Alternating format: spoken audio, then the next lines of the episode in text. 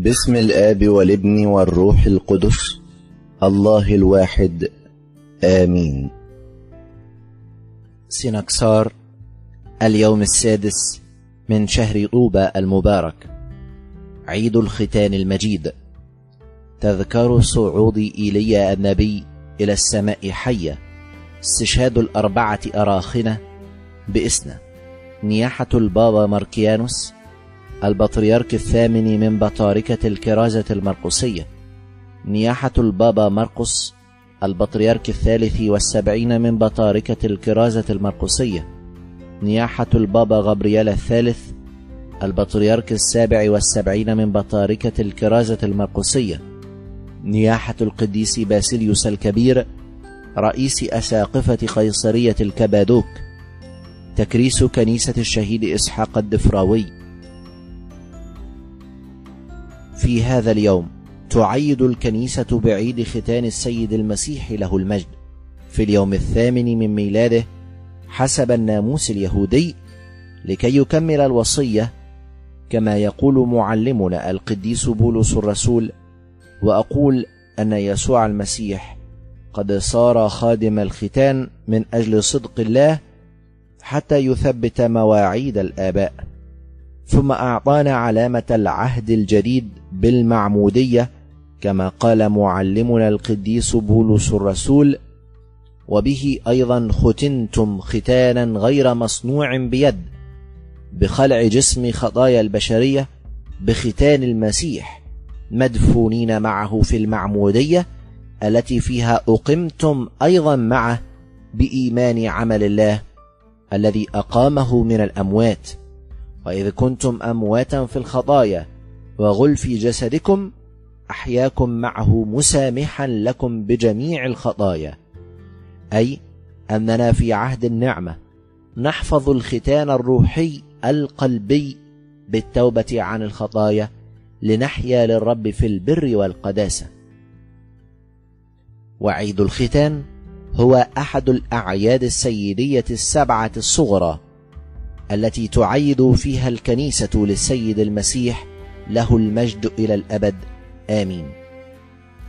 وقد رتبت الكنيسة أن يكون هذا اليوم تذكارا لصعود إيليا النبي إلى السماء حية. وذلك أنه لما علم إيليا بأمر صعوده ذهب مع تلميذه إليشع من الجلجال إلى بيت إيل حيث أعلم تلميذه إليشع بالأمر. ثم ذهبا سويا إلى نهر الأردن. وضرب إلي مياه النهر بردائه فانشقت المياه إلى نصفين فعبر كلاهما على اليابسة وبينما هما يسيران ويتكلمان إذا مركبة من نار وخيل من نار ففصلت بينهما فصعد إيليا في العاصفة إلى السماء وكان إليشع تلميذه يرى وهو يصرخ يا أبي يا أبي!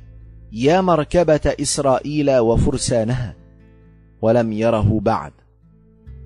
ورفع إليشع النبي رداء إيليا الذي سقط عنه ووقف على شاطئ نهر الأردن وضرب به الماء فانفلق إلى نصفين ومشي على اليابسة راجعا إلى حيث كان. بركة إيليا النبي وتلميذه إليشع فلتكن معنا. آمين. وفيه أيضا من سنة ثلاثمائة وثلاثة ميلادية استشهد الأربعة أراخنة بإسنا ففي عودة الوالي إريانوس إلى إسنا للمرة الثانية قابله الأربعة أراخنة أوسافيوس وسامان وهرواج وباخوش وقد كانوا من رؤساء إسنا وكتابها والمشرفين على أمورها. وكانوا يعطون الفقراء والمساكين ويعولون الأرامل والأيتام. فوقفوا أمام الوالي معترفين بإيمانهم بالسيد المسيح غير مبالين بالتهديد والتعذيب. فأمر الوالي بتعذيبهم عذابا وحشيا فلم يتزعزعوا عن إيمانهم. أخيرا أمر الوالي بقطع رؤوسهم فنالوا أكاليل الشهادة بركة صلواتهم فلتكن معنا. آمين. وفيه أيضا من سنة 152 ميلادية تنيح الأب القديس ماركيانوس البطريرك الثامن من بطاركة الكرسي المرقسي. ولد هذا القديس بالإسكندرية وتعلم بها ولكثرة علمه جعلوه مديرا لمدرسة الإسكندرية اللاهوتية وقد اشتهر بالفضيلة. فلما خلا الكرسي المرقسي بنياحة الأنبا أومانيوس انتخبوه بطريركا سنة 141 ميلادية.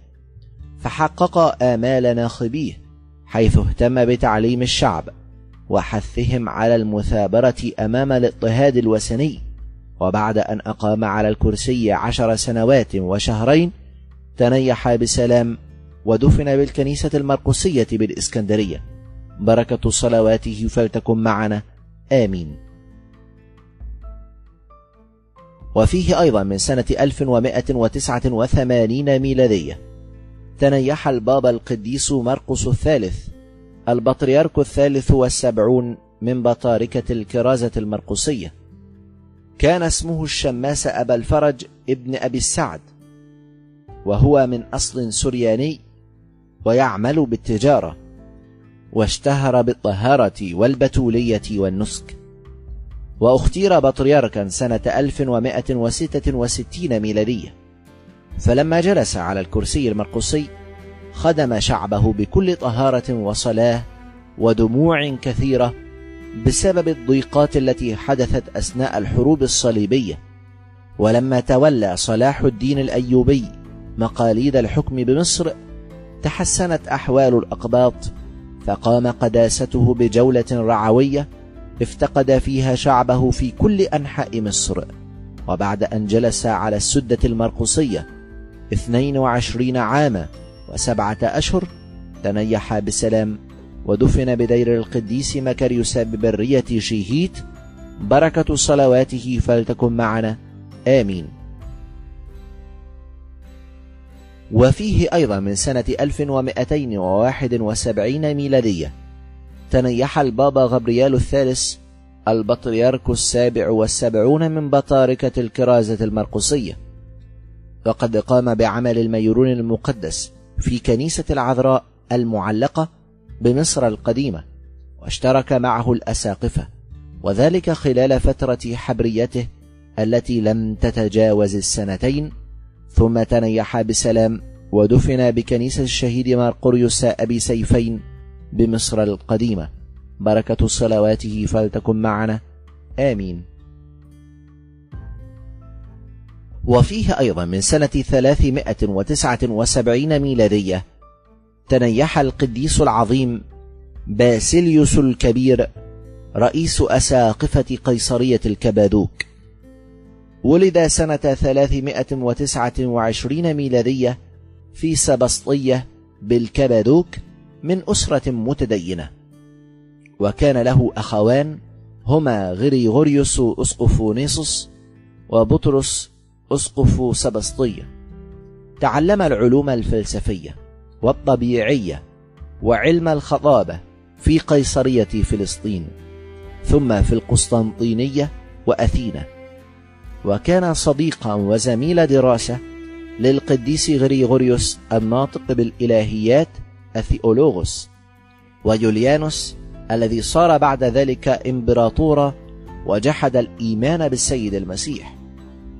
ذهب لتلقي العلم أيضا في أنطاكية عند الفيلسوف لبانيوس الأنطاكي واشتغل زمانا بمهنة المحاماة. وفي سنة 358 ميلادية هجر العالم وجاء إلى مصر وطاف في براريها يتعلم من رهبانها التقوى والفضيلة وحياة النسك. ثم عاد واعتزل في برية بنطس ومارس حياة النسك والعبادة. فلما شاع خبر قداسته التف حوله كثيرون فأقام لهم ديرا ووضع لهم القوانين اللازمة لإرشادهم في طريق الكمال الإنجيلي. وهكذا صار هو المؤسس الأول للرهبنة في بلاد البنطس والكبادوك. وفي سنة 362 ميلادية نال درجة الكهنوت وأخذ يعلم المؤمنين ويرد الضالين ونظرا لقداسة سيرته وسمو علمه وفضيلته اختاروه رئيسا لأساقفة الكبدوك سنة 370 ميلادية. فلاقى متاعب كثيرة من الإمبراطور فلنز الأريوسي احتملها بشكر. وقد أجرى الرب على يديه العديد من العجائب والمعجزات وهو الذي كتب القداس الباسيلي الذي تستعمله كنيستنا القبطية كما وضع العديد من الكتب الروحية والتفسيرية والنسكية والقوانين الكنسية. ولما أكمل سعيه الصالح تنيح بسلام بركة صلواته فلتكن معنا. آمين. وفيه أيضا تذكار تكريس كنيسة القديس إسحاق الدفراوي الشهيد. فبعد استشهاده الذي تعيد به الكنيسة في السادس من بشمس أخذ المؤمنون جسده الطاهر في أكفان نقية وأرسلوه إلى بلدته دفرة وهي قرية تابعة لمركز طنطا بمحافظة الغربية حيث بنيت له كنيسة في نفس المكان الذي كان يعيش فيه وكرسها أسقف الإيبرشية في مثل هذا اليوم ووضع فيها الجسد الطاهر. وقد أظهر الرب عجائب كثيرة في هذه الكنيسة. فكان كل الذين أصابتهم أمراض مستعصية يذهبون إليها وينالون الشفاء بمجرد دخولهم فيها والتبرك من جسد القديس. بركة صلوات هذا الشهيد الطاهر فلتكن معنا. ولربنا المجد دائما أبدية. آمين. دفنار اليوم السادس من شهر طوبى المبارك. تذكار عيد الختان والأنبا باسيليوس وإيليا النبي وماركيانوس بطريرك الإسكندرية. تعالوا أيها الشعوب الأرثوذكسيون لكي نسجد ليسوع المسيح الذي أخذ جسدا من العذراء وتأنس من أجل خلاصنا وقبل إليه كل ما للبشرية ما خلا الخطية وحدها لأنه غير خاطئ وقبل الختان له الكرامة وله التسبيح كقول بولس الرسول الأصوات الصادقة التي للأنبا باسيليوس العمود المعظم قد ملأت كل العالم. فمن يقدر أن ينطق بالقوات العظيمة والعجائب الكثيرة التي للأنبا باسيليوس وأي لسان جسداني يستطيع أن يتلو كرامته ونسكياته. السلام لإيليا النبي العفيف. السلام للغيور الساكن البراري. السلام للذي رفع إلى السماوات على مركبة نارية ولم يذق الموت. السلام لمركبة إسرائيل كشهادة إليشع. طوباك أنت يا أبانا القديس الأنبا ماركيانوس رئيس الكهنة. طوباك أنت يا صاحب التعاليم المحيية لأنك أنت ابن الرسل بصلواتهم يا رب أنعم لنا بمغفرة خطايانا. في اليوم الثامن بعد ميلاد مخلصنا قبل إليه الختان كناموس العبرانيين. تعالوا فلنسجد له لأنه إلهنا بالحقيقة. ولنمجد العذراء التي ولدته جسدية. تهللوا اليوم بفرح يا جميع الأمم لأن مخلصنا قبل الختان عنا لكي يعتقنا من ختان الجسد ويعطينا روحه القدوس بالميلاد الثاني. فيسوع المسيح المنجي خالق كل الخليقة قد أخذ جسدا من العذراء من أجل خلاصنا وولدته طفلا صغيرا وأرضعته اللبن من ثدييها وربته على ذراعيها وهو المربي لكل أحد. وقد قبل إليه الختان وليس خيالا وهذا لكي يعتقنا من الختان الجسدي. مرحبا بقدومك إلينا اليوم يا معلم التقوى ومؤدب كل المسكونة. الأنبا باسيليوس الأسقف لأن يوم تذكارك قد وافق عيد ختان الرب الذي تجسد من العذراء. فيا كل الشعوب المؤمنين تعالوا اليوم إلى هذا العيد. لنمجد مخلصنا محب البشر الصالح لنعاينه ملفوفا بالخرق ومختتنا بأيادي بشرية إذ قبل الآلام منذ طفولته. وليخذى ويرذل كل أصحاب البدع النجسون. إذا ما سمعوا قول بولس الرسول القائل أنا المختون في اليوم الثامن. فهذا يدل على أن المسيح قد قبل إليه الختان في اليوم الثامن كناموس موسى. ولولا أن المسيح قد قبل الختان في اليوم الثامن لكان اليهود جنوا وقتلوه منذ صغره ولكن احتمل كل ما للبشرية ما عدا الخطيئة حتى أكمل التدبير عن خلاصنا لأنه تحنن وطلب خلاص الخروف الذي ظل. أيها الصالح ومحب البشر ارحمنا كعظيم رحمتك فإنك مبارك ولك ينبغي المجد من الآن وكل أوان وإلى الأبد. آمين.